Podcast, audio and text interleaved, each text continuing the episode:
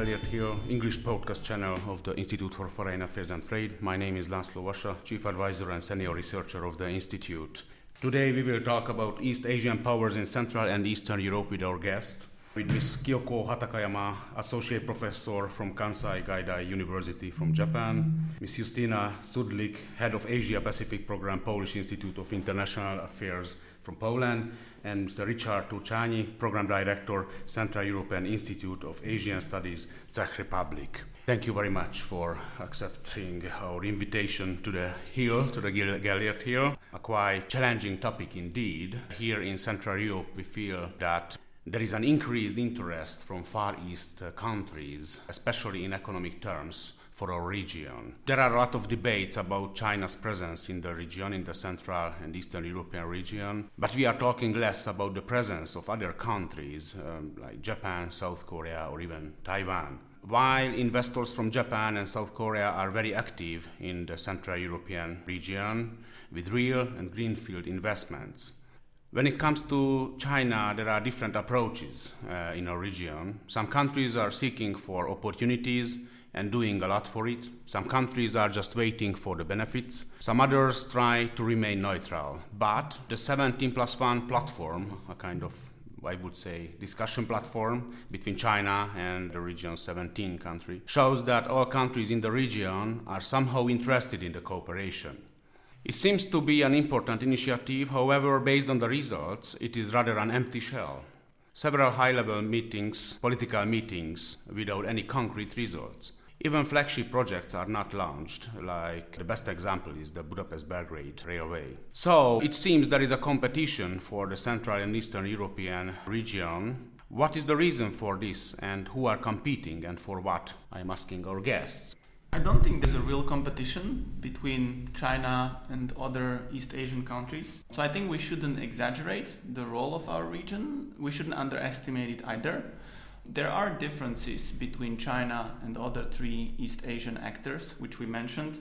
For Japan, South Korea, and Taiwan, our region offers very reasonable place how to enter Europe. These are developed economies who want to deindustrialize, and for them it makes sense to open their manufacturing bases here in, in Visegrad countries and then serve European market. For China, the situation is a little bit different. China is a growing superpower, aspiring superpower.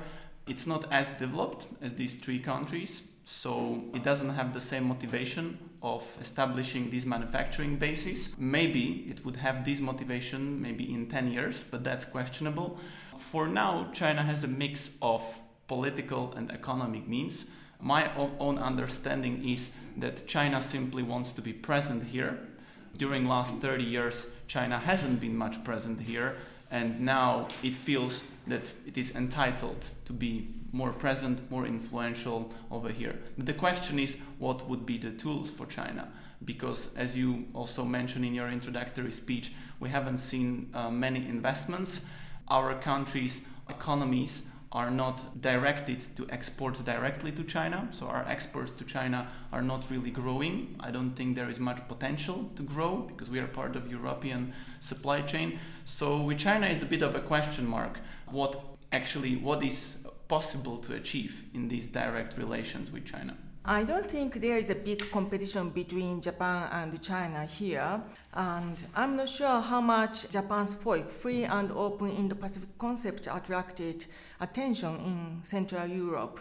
China's BRI, Belt and Road Initiative, attracted lots of attention in Central Europe and also in the world because you know most states actually expect lots of benefit from China, and so China's BRI is like a carrot in face of them. Uh, however, Japan actually announced free and open Indo-Pacific concept, and which is sometimes regarded as a you know counterbalancing strategy to contain China. However, Japan's FOIP is neither exclusive nor inclusive of China. Japan is even ready to support China's BRI as long as the plans are transparent and viable. However, the problem is China is trying to attract Central Europe's attention and support by using their BRI or economic investment as a carrot. And they try to get political support. That is a problem. This is what Japan thinks. So, for example, China's behavior in the South China Sea is a bit problematic because what China is trying is to change the status quo by force. And China also does not respect international law and norm.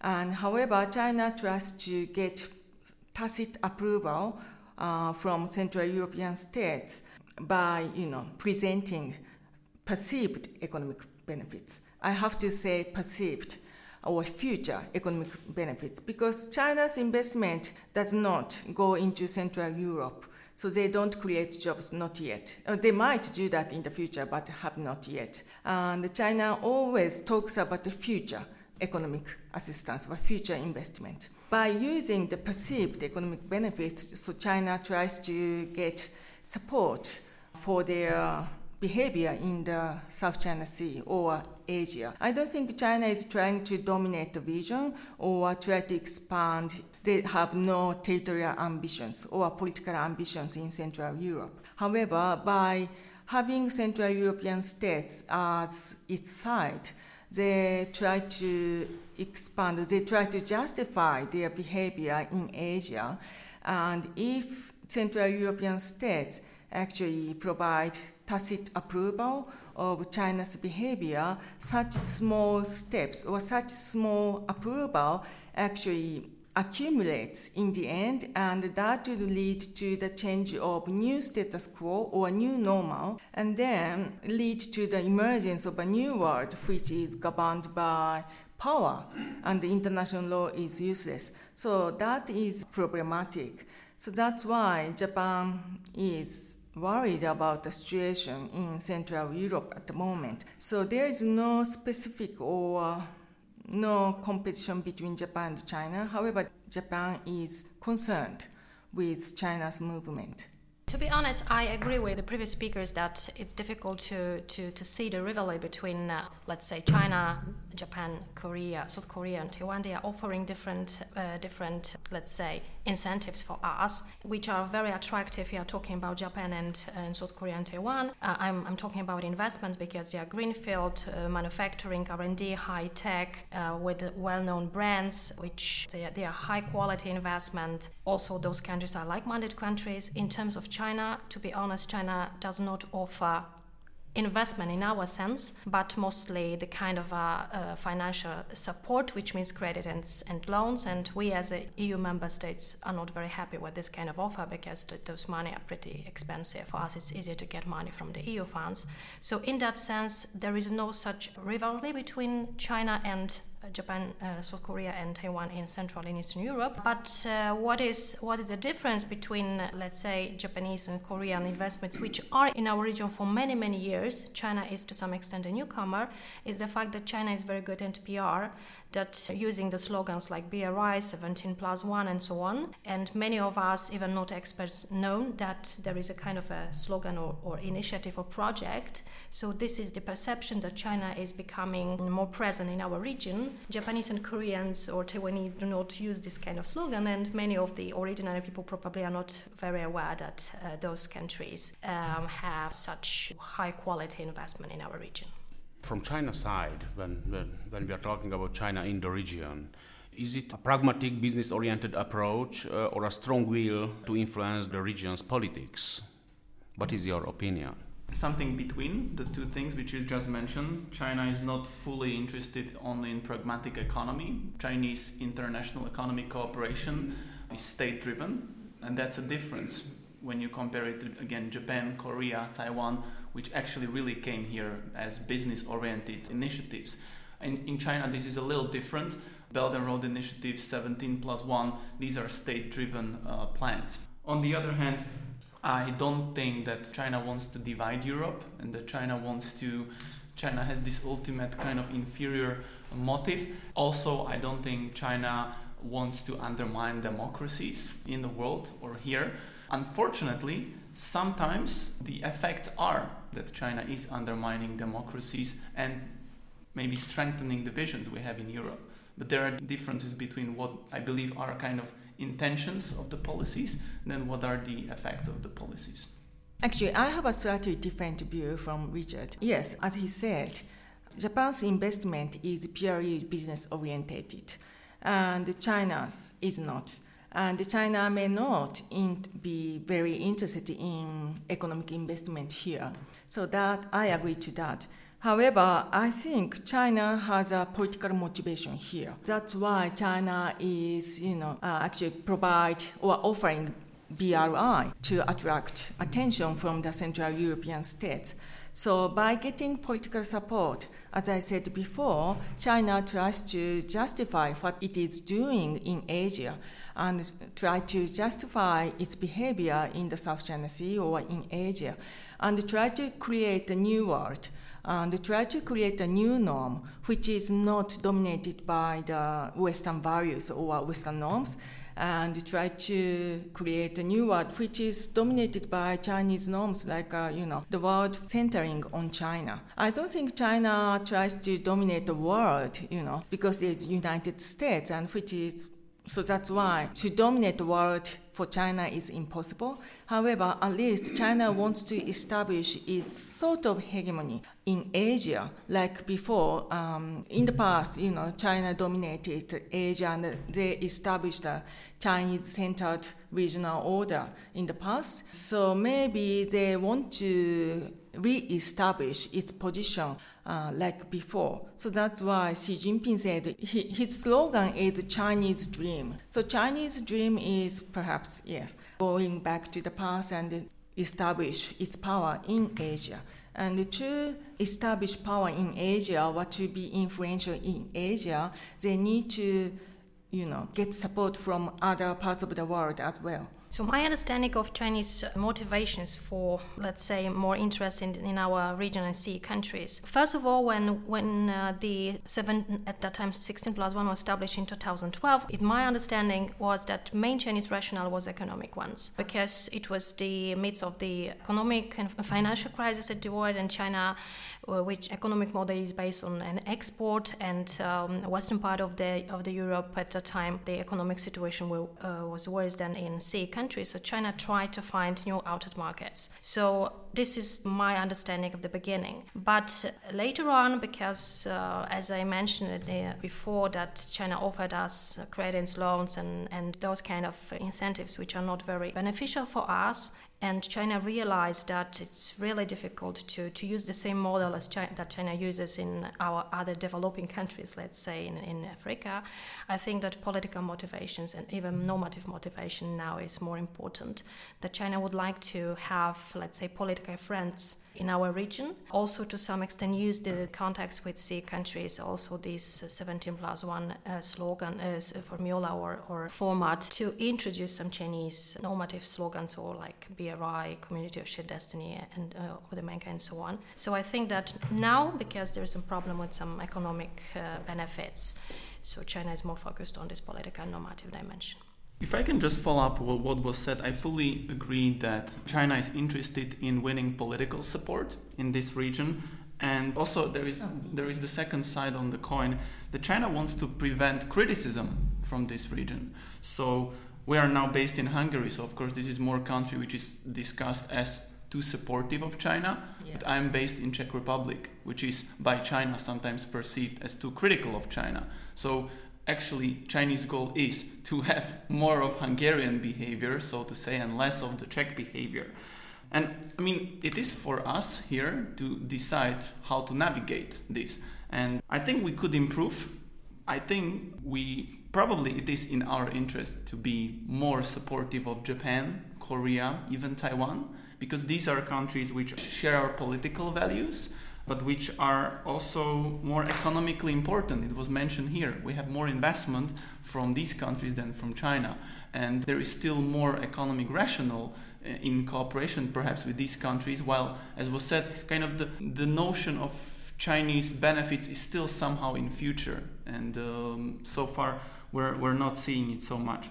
So, yeah, just, just, just to repeat my main point, I do believe that perhaps for the Visegrad countries, also as members of the EU, NATO, and so on, we should have working relations with China, but we should not be overly supportive of some of China's problematic steps, such as in South China Sea, obviously not even mentioning Xinjiang and other issues.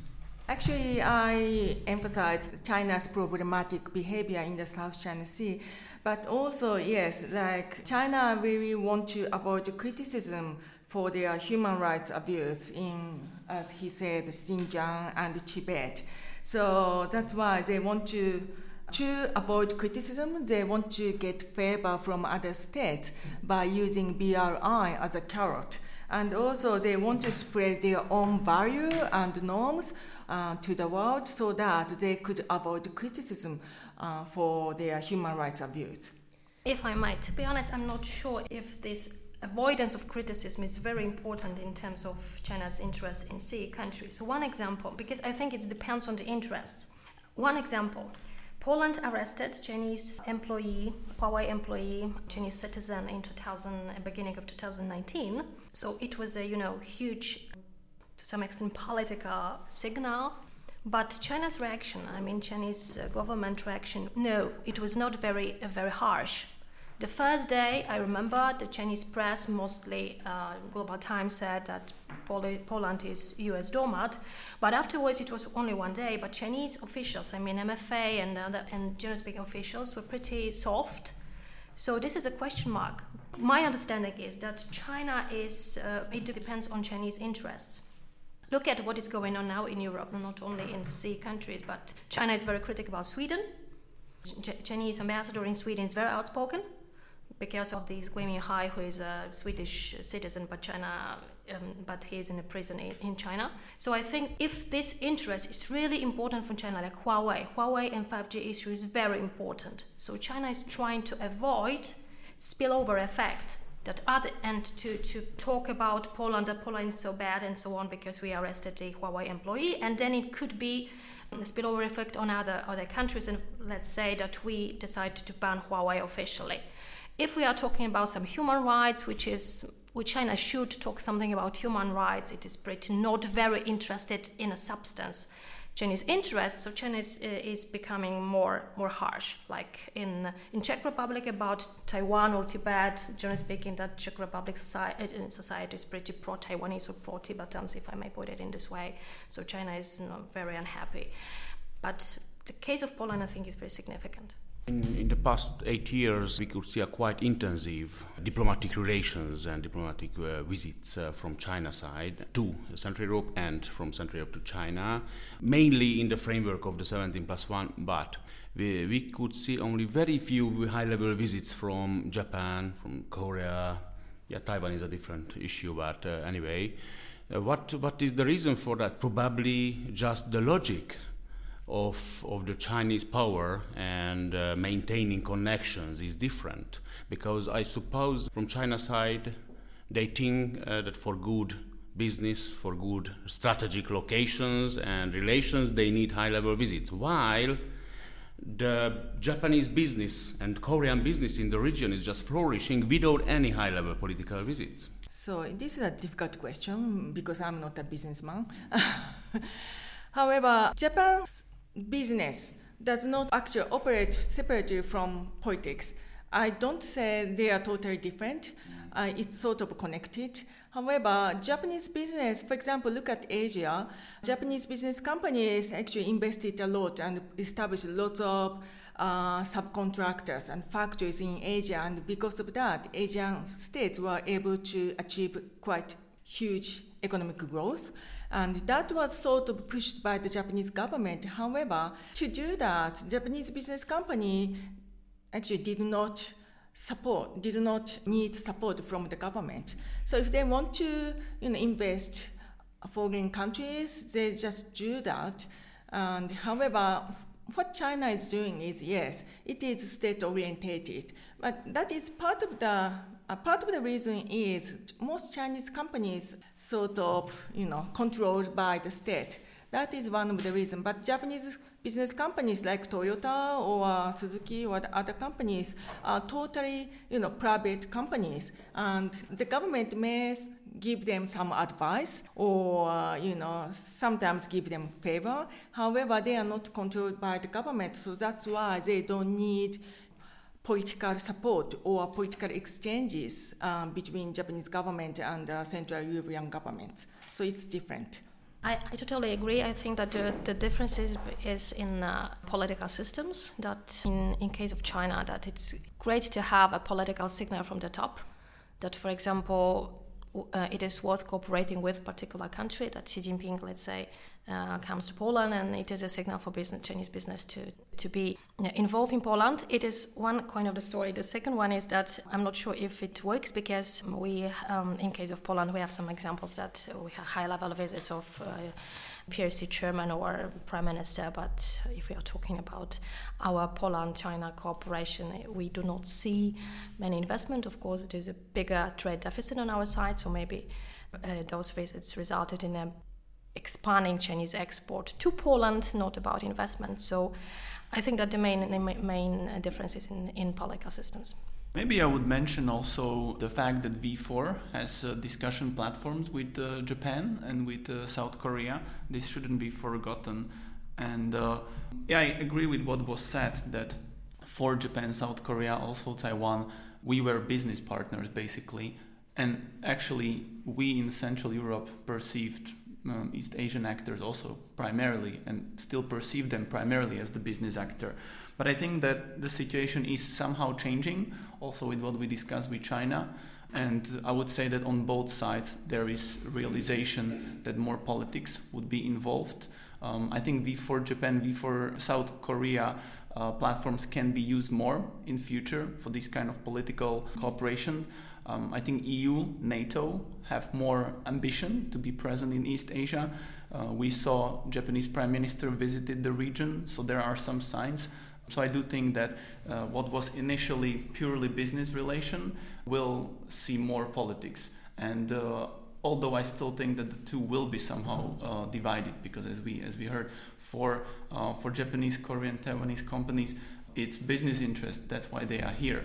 But then for, the, for their governments, there are some perhaps separate political reasons why they also want to be more, more uh, seen as being present here.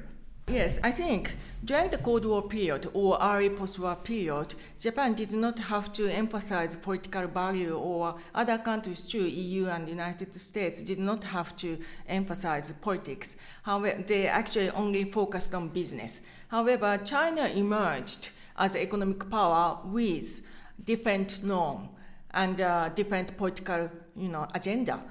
And then they try to push it. So that's why we thought okay we have to also involve political you know aspects in business deal. So that's why yes abe actually visits central european countries and try to you know improve the political relationship with central european countries Yes. So we thought we need to also look at political aspect as well in economic transaction. Dear colleagues, thank you very much for your kind contribution.